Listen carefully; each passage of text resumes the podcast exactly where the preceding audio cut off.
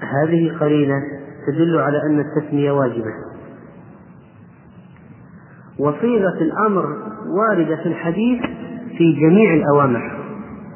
سم الله. كل بيمينه كل مما يليك. ونص الشافعي رحمه الله تعالى في كتاب الأم على الوجوب ولكن أكثر الشافعية حملوه على الندب. وبذلك جزم النووي رحمه الله تعالى. هذا بالنسبة لقول بسم الله. وفاتنا شيء أن نذكره في بداية الحديث وهو هدي صلى الله عليه وسلم في الأكل عموما ملخصا فلعلنا نرجع إليه الآن قبل أن يفوتنا ذكره ونحن دخلنا أو شرعنا في التفاصيل.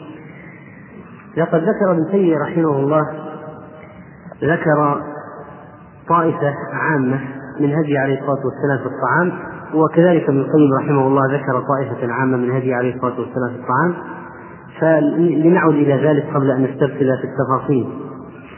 فقد ذكر الإمام تقي الدين أحمد بن عبد السلام رحمه الله تعالى في موضوع آداب الطعام ما يلي قال وأما الأكل واللباس فخير الهدي هدي محمد صلى الله عليه وسلم وكان خلقه في الأكل أنه يأكل ما تيسر إذا اشتهاه ولا يرد موجودا ولا يتكلف مفقودا فكان إن حضر خبز ولحم أكله وإن حضر فاكهة وخبز ولحم أكله وإن حضر تمر وحده أو خبز وحده أكله وإن حضر حلو أو عسل طعمه أيضا. وكان أحب الشراب إليه الحلو البارد. وكان وكان أحب الشراب إليه الحلو البارد. وكان يأكل القساء بالرطب. فلم يكن إذا حضر لونان من الطعام يقول لا آكل لونين. ربما بعض الصوفية الذين يدعون الزهد إذا حضر بين يدي لونان من الطعام قال لا آكل لونين. ارفع واحد حتى آكل. فلم يكن إذا حضر لونان من الطعام يقول لا آكل لونين ولا يمتنع من طعام لما فيه من اللذة والحلاوة بحجة مثلا أنه يشغل عن العبادة أو أنه مناف للزهد فإنه يأكله ولو كان مشويا لذيذا يأكله ما دام حضر ما دام حلالا طيبا. وكان أحيانا يمضي الشهران والثلاثة لا يوقد في بيته نار ولا يأكلون إلا التمر والماء وأحيانا يربط على بطنه الحجر من الجوع. وكان لا يعيب طعاما فإن اشتهاه أكله وإلا تركه. وأكل على مائدته لحم ضب فامتنع من أكله.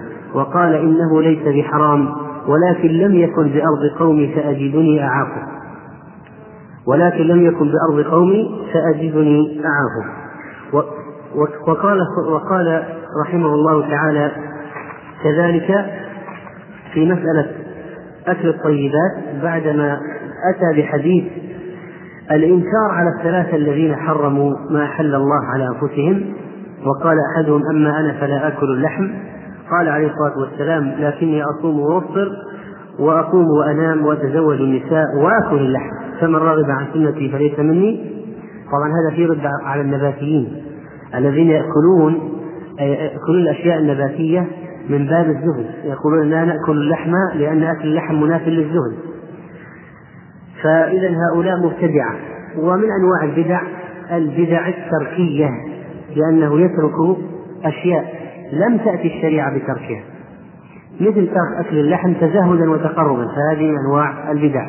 لكن إن تركه لأنه يضر به أو لوصية الأطباء واقتصر على أكل الفاكهة والخضار فإنه ليس بمبتدع.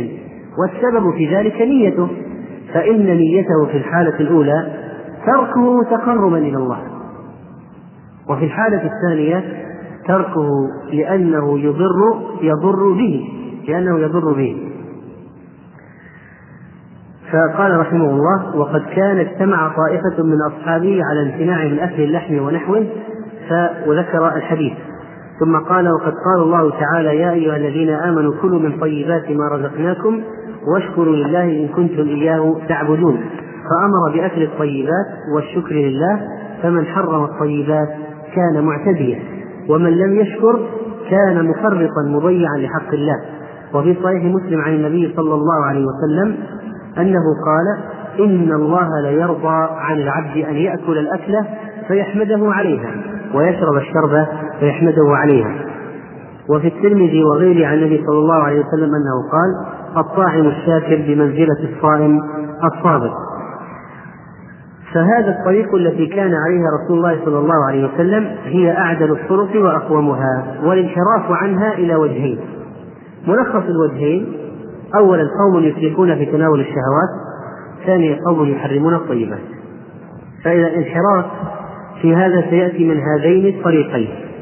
الطريق الأول يسرفون في تناول الشهوات والله يقول كلوا واشربوا ولا تسرفوا. والطائفة الثانية قوم يحرمون الطيبات والله يقول لا تحرموا طيبات ما أحل الله لكم ولا تعتدوا إن الله لا يحب المعتدين. وقال ابن القيم رحمة الله عليه في كتاب زاد المعاد وكذلك كان هديه صلى الله عليه وسلم وسيرته في الطعام لا يرد موجودا ولا يتكلف مفقودا فما قرب إليه شيء من الطيبات إلا أكله إلا أن تعافه نفسه فيتركه من غير تحريم وما عاب طعاما قط إن اشتهاه أكله وإلا تركه كما ترك أكل الضب لما لم يعتده ولم يحرمه على الأمة بل أكل على مائدته وهو ينظر كما جاء في الحديث فاجتره خالد. الضب اجتره خالد. وأكل الحلوى والعسل وكان يحبهما. وذكر ابن القيم رحمه الله طائفة مما أكله عليه الصلاة والسلام فقال وأكل لحم الجزور والضأن والدجاج كما سيأتي في حديث الرجل الذي تنزه عن أكل لحم الدجاج لأنه رآه يأكل شيئا منتنا فدعاه أبو سعيد وقال أكله النبي عليه الصلاة والسلام. دعاه إلى أكله إلى أكل الدجاج. وأكل الحلوى والعسل وكان يحبهما وأكل لحم الجزور. والضأن والدجاج ولحم الحبارة ولحم حمار الوحش والأرنب وطعام البحر الذي أتى به أبو عبيدة. وأكل الشواء وأكل الرطب والتمر وشرب اللبن خالصا ومشوبا والسويق والعسل بالماء وشرب نقيع التمر. طبعا هذا ليس بمسلم وأكل الخزيرة وهي حساء يتخذ من اللبن والدقيق. وأكل القساء بالرطب وأكل الأقط وأكل التمر بالخبز وأكل الخبز بالخل وأكل السريد وهو الخبز باللحم وأكل الخبز بالإهالة وهي الودك الشحم وهو الشحم المذاب وأكل من الكبد المشوية وأكل القديد اللحم المجفف وأكل الدباء المطبوخة وكان يحبها وأكل المسلوقة وأكل السريد بالسمن وأكل الجبن وأكل الخبز بالزيت وأكل البطيخ بالرطب وأكل التمر بالزبد وكان يحبه التمر بالزبد. ولم يكن يرد طيبا ولا يتكلفه بل كان هديه أكل ما تيسر. فإن أعوزه صبر حتى إنه ليربط على بطنه الحجر من الجوع. ويرى الهلال والهلال والهلال ولا يوقد في بيته نار. وكان معظم مطعمه يوضع على الأرض في السفرة. وهي كانت مائدته وكان يأكل بأصابعه الثلاث ويلعقها إذا خرق. وهو أشرف ما يكون من الأكلة. فإن المتكبر يأكل بأصبع واحدة والجشع الحريف يأكل بالخمس. ويدفع بالراحة. وكان لا يأكل متكئا والاتكاء على ثلاثة أنواع. أحدها الاتكاء على الجنب والثاني التربع. والثالث الاتكاء على إحدى يديه وأكله بالأخرى والثلاث مذمومة هذا رأي رحمه الله. وكان يسمي الله تعالى على أول طعامه ويحمده في آخره فيقول عند انقضائه الحمد لله حمدا كثيرا طيبا مباركا فيه غير مكفي ولا مودع ولا مستغنى عنه فربنا غير مكفي يعني الكفاية ولا مودع يعني غير متروك الطلب. فإنه دائما يطلب وربما قال الحمد لله الذي يطعم ولا يطعم إلى آخر الألفاظ التي ذكرها رحمه الله. وكان إذا فرغ من طعامه لعق أصابعه ولم يكن لهم مناديل يمسحون بها أيديهم. وكان أكثر شربه قاعدا وذكر موضوع الشرب والشرب لعله يأتي له آداب خاصة به إن شاء الله تعالى. ونعود إلى موضوع الآداب. لنأخذ أدبا أو جزئية أخرى فقط من الجزئيات فيما تبقى من الوقت وهي مسألة الأكل مما يليه. والأكل الأكل مما يليه قد جاء في الحديث كل مما يليك كل مما يليك. وفي هذه المسألة عنون البخاري رحمه الله باب الأكل مما يليه. وقال أنس فجاء أتى بحديث معلق قال النبي صلى الله عليه وسلم اذكروا اسم الله وليأكل كل رجل مما يليه. لأن مسألة الأكل مما مما يليه واضحة وينبغي أن يجمع بين الأشياء بين الأكل مما يليه وبين لعق الإناء. فإن قال الإنسان كيف يكون ذلك؟ نقول إنه يأكل مما يليه بحيث يظهر قاع الصحفة فيلعقه يعني الناس عندما يأكلون بعضهم يأكل أفقيا يتوسع. وبعضهم يأكل عموديا تقريبا. فأيها الأقرب للسنة في الجمع بين اللعق لعق الإناء وبين الأكل مما يليه؟ لا شك أنه إذا أكل مما يليه دون أن ينتشر يمينا وشمالا بحيث إذا ظهر قاع الصحفة لعقه لعق ما يليه. وليس المقصود أنه يلعق كل الإناء أو التبس هذا فهذا قد لا يتيسر بل ربما انبشم ولما يلعقه كله. فإذا يأكل مما يليه حتى إذا ظهر قاعها لعقه. فإنه ينظفه ويأتي عليه بأصابعه فيكون محفوظا مكان مكان أكله محفوظا عن الانتشار. وكذلك فإنه مما يشكل أيضا في الموضوع حديث تتبع الدباء من حوالي القطع فقد يظهر في بادئ الأمر تعارضا بين حديث تتبع الدباء في القطعة وبين قضية الأكل يليه عرفنا حديث الأكل المالي. أما حديث تتبع الدباء فقد رواه البخاري عن أنس أن خياطا دعا رسول الله صلى الله عليه وسلم لطعام صنعة. قال أنس فذهبت مع رسول الله صلى الله عليه وسلم فرأيته يتتبع الدباء من حوالي القطعة قال فلم أزل أحب الدباء من يومئذ. آه إذا إذا تأملنا في عنوان البخاري على الحديث لربما آه، تبين لنا شيئا من الأشياء التي يزال بها التعارض. فإنه قال رحمه الله بعد باب الأكل مما يليه مباشرة وذكر في حديث الأكل مما يليه قال باب من تتبع حوالي القطعة مع صاحبه إذا لم يعرف منه الكراهية. وهذا القيد مهم. قوله إذا لم يعرف منه الكراهية. لأن تتبع الأشياء كثيرا ما يكرهه الناس. إذا كان يأكل مع جماعة فتتبع ما مما عن يمينه وشماله.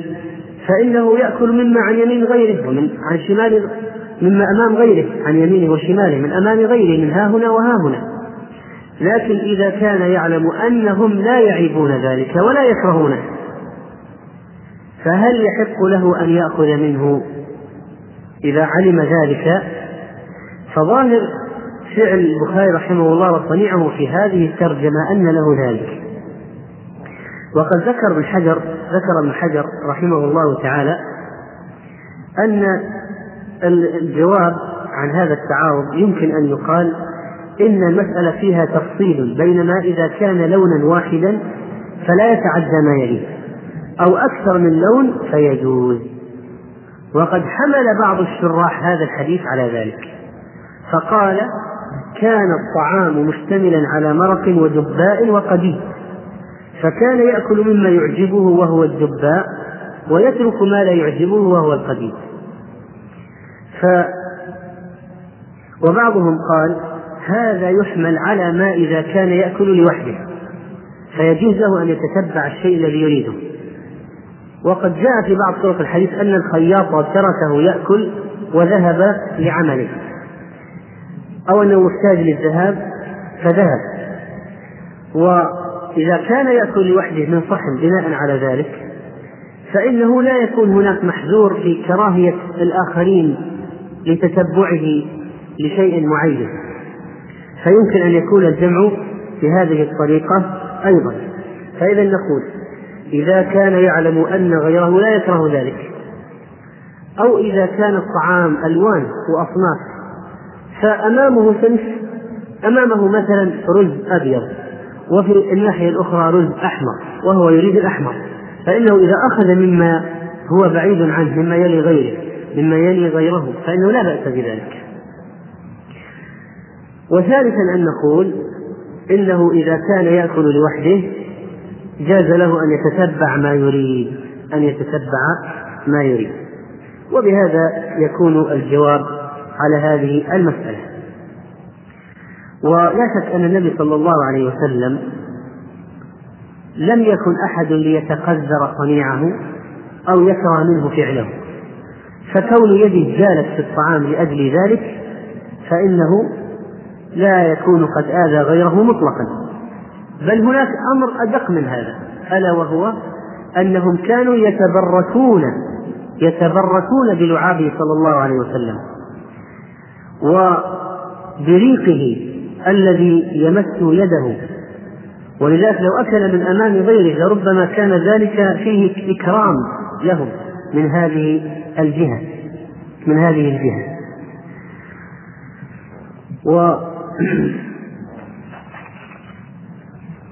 عند هذا الحد أرى أن نقف في الموضوع ونرى بعض الأسئلة هنا هل من الإسراف ما يفعله بعض الناس من ارتياد بعض المطاعم المكلفة حيث قد تبلغ وجبة الفرد الواحد 100 ريال؟ الجواب نعم لا شك في ذلك أن هذا من الإسراف و لكن المسألة أحيانا تعتمد على قدرة الشخص المادية أن يشتري طعاما لكن في بعض الحالات يكون هذا إسراف حتى في حق أغنى الأغنياء. أغنى الأغنياء. فيكون الطعام مرتفع الثمن بغير فائدة وإنما لمجرد أنه من المطعم الفلاني. ففي هذه الحالة يكون إسرافا. ما هو الخل؟ هل هو الخل المعروف في يومنا؟ الجواب نعم. هذا الخل هو الخل الخل هو الخل المعروف في يومنا وهو يؤخذ من عدة أشياء. فهناك خل من العنب وخل من وخل من التفاح وغير ذلك. الخل أنواع كثيرة. وبعضه له فوائد طبية الخل المأخوذ من بعضه. ماذا تقول إذا قال الشخص أن الأكل بالملعقة سنة لأنك تمسكها بثلاثة أصابع؟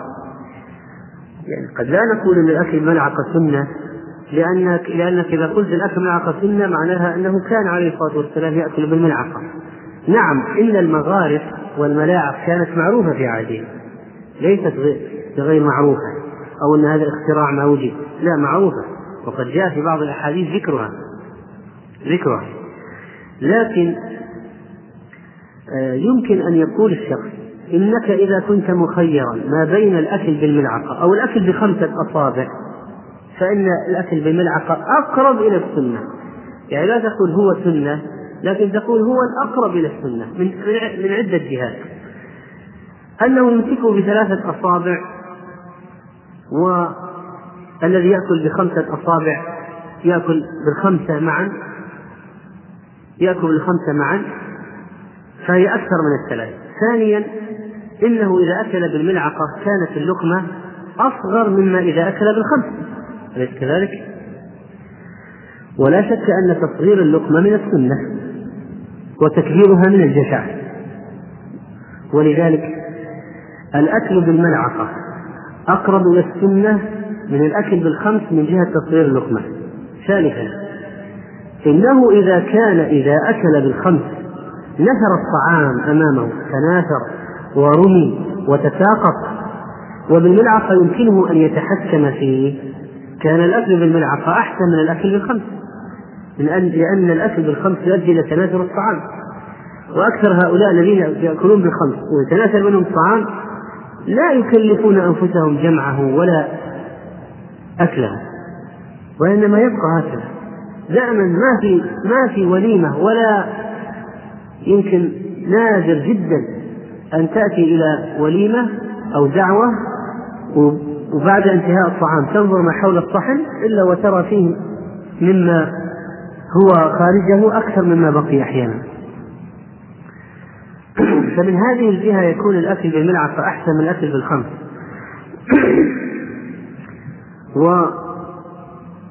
وكذلك يمكن أن يقال إن الأكل بالملعقة أكثر تحكما من الأكل بالخمس لأنه عند أكله بالخمس كما قلنا يتناثر الطعام. ولكن لو كان الإنسان يستطيع أن يأكل بثلاث أصابع والطعام يؤكل بثلاث أصابع. في طعام يؤكل بثلاث أصابع في طعام لا يؤكل بثلاث أصابع. فمثلا ما كان متماسكا مستمسكا كالسرير.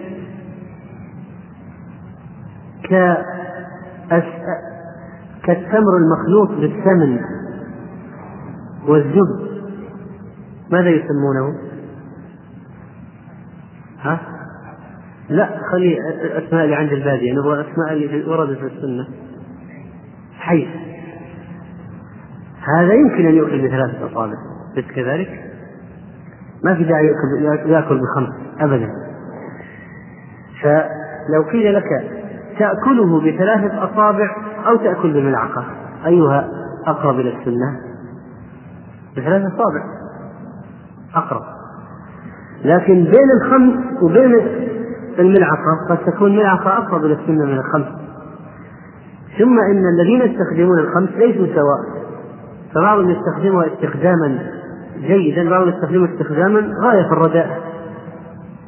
غاية في الرداء الحقيقة. فإذا هناك طعام لا يمكن أن يؤكل بالخمس لا يمكن أن يؤكل بثلاث. الرز مثلا كيف تأكل الرز بثلاث أصابع؟ ولذلك قد يكون هناك عذر أن يؤكل بأكثر من ثلاث أصابع.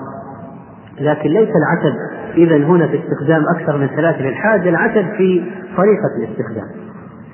وإذا كان الأكل ملعقة سلبياته أقل فيكون هو أحسن. إذا كانت الطريقة هكذا. إذا كان الطعام يمكن أكله بثلاث أصابع فثلاث الأصابع أفضل من الملعقة. وهناك من الأطعمة ما لا يمكن أكله لا بثلاثة أصابع ولا بخمسة. مثل أو مثل الحساب. كيف واحد يحتفي بأصابع؟ لا يمكن. فطريقة الاحتساء إما أنه يشرب من الإناء مباشرة يشرب أو أنه يأكله بمغرف يبتلعه بمغرفة أو ملعقة مثلا. فإذا المأكولات تختلف. المأكولات تختلف. ومنه ما يحتاج إلى إمساك بالقبضة كالتفاح مثلا.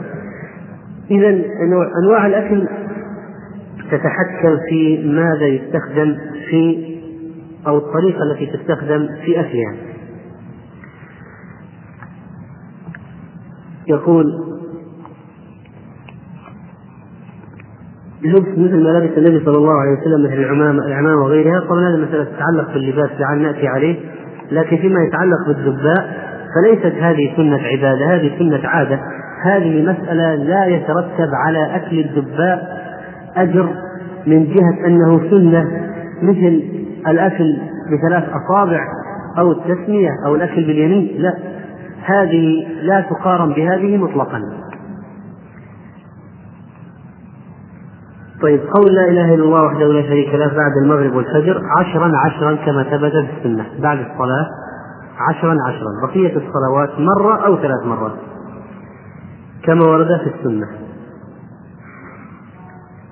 هل يجوز الدعاء قبل كل صلاة؟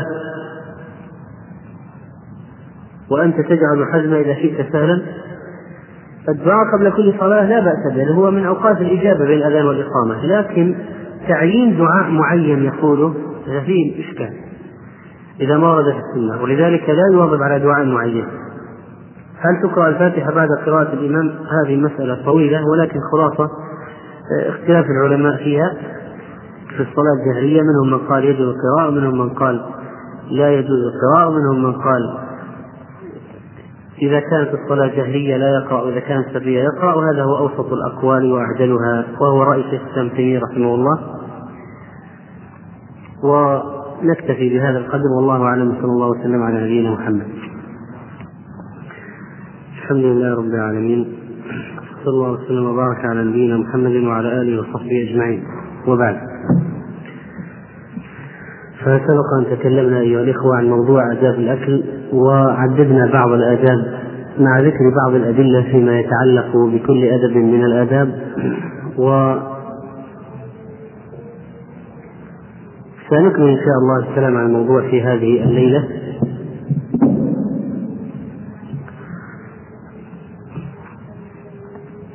وسبق أن ذكرنا أن الناس يقعون في الطعام في محذورين. وأن الانحراف في مسألة الأكل يحدث من جهتين. الجهة الأولى الإسراف الإسراف فيه والثانية تحريم ما أحل الله منه. وهذا هو الكلام الذي ذكره شيخ الإسلام ابن تيمية رحمه الله. الناس يقعون في الطعام في الأكل في انحرافين هم على طرفين. الإسراف فيه وتحريم ما أحل الله منه. وهناك بعض القصص التي ذكرها الذهبي رحمه الله في كتاب سير علم النبلاء التي تبين بعض ما وقع فيه هؤلاء. قال في ترجمة أحد الزهاد إنه عمل له خلوة فبقي خمسين يوما لا يأكل شيئا. قل وقد قلنا إن هذا الجوع المفرط لا يسوغ فإذا كان سرد الصيام والوصال قد نهي عنهما فما الظن؟ يعني فما الظن بالامتناع عن الطعام هذه الفترة الطويلة؟ وقد قال نبينا صلى الله عليه وسلم اللهم إني أعوذ بك من الجوع فإنه بئس الضجيع. ثم قل من عمل هذه الخلوات المبتدعة إلا واضطرب وفسد عقله وجف دماغه ورأى مرأى وسمع خطابا لا وجود له في الخارج يعني لا وجود له في الواقع. يعني الذي يجوع هذا الجوع المفرط المفرط فإنه يسمع أشياء لا وجود لها في الحقيقة لكن من شدة الجوع يتراءى له ويتخيل. ورأى مرأى وسمع خطابا لا وجود له في الخارج. فإن كان متمكنا متمكنا من العلم والإيمان فلعله ينجو بذلك من تزلزل توحيده. وإن كان جاهلا وإن كان جاهلا بالسنن وبقواعد الإيمان تزلزل توحيده وطمع فيه الشيطان وادعى الوصول ادعى أنه وصل إلى مرتبة عالية ونحو ذلك وبقي على مزلة قدم وربما تزندق. وقال أنا هو كما يقول هؤلاء الصوفية. يقول أنا هو أنا هو يعني على الله سبحانه وتعالى. وقال نعوذ بالله من النفس الأمارة ومن الهوى ونسأل الله أن يحفظ علينا إيماننا. آمين. ثم قال في ترجمة رجل آخر من الزهاد قال صام طاهر أربعين يوما أربعين مرة فآخر أربعين عملها صام على قشر الدخن فليبسه قرع رأسه واختلط في عقله. كنت يا الذهبي يقول فعل هذه الأربعينات حرام قطعا فعقباها موت من الخور أو جنون واختلاط. أو جفاف يوجب للمرء سماع خطاب لا وجود له أبدا في الخارج فيظن صاحبه أنه خطاب إلي يعني من الله سبحانه وتعالى مع أنه في الحقيقة من الجوع. أيها الإخوة لم تكتمل بعد مادة هذا الشريط ولذلك نرجو أن تتابعوا ما تبقى من هذه المادة على الشريط التالي.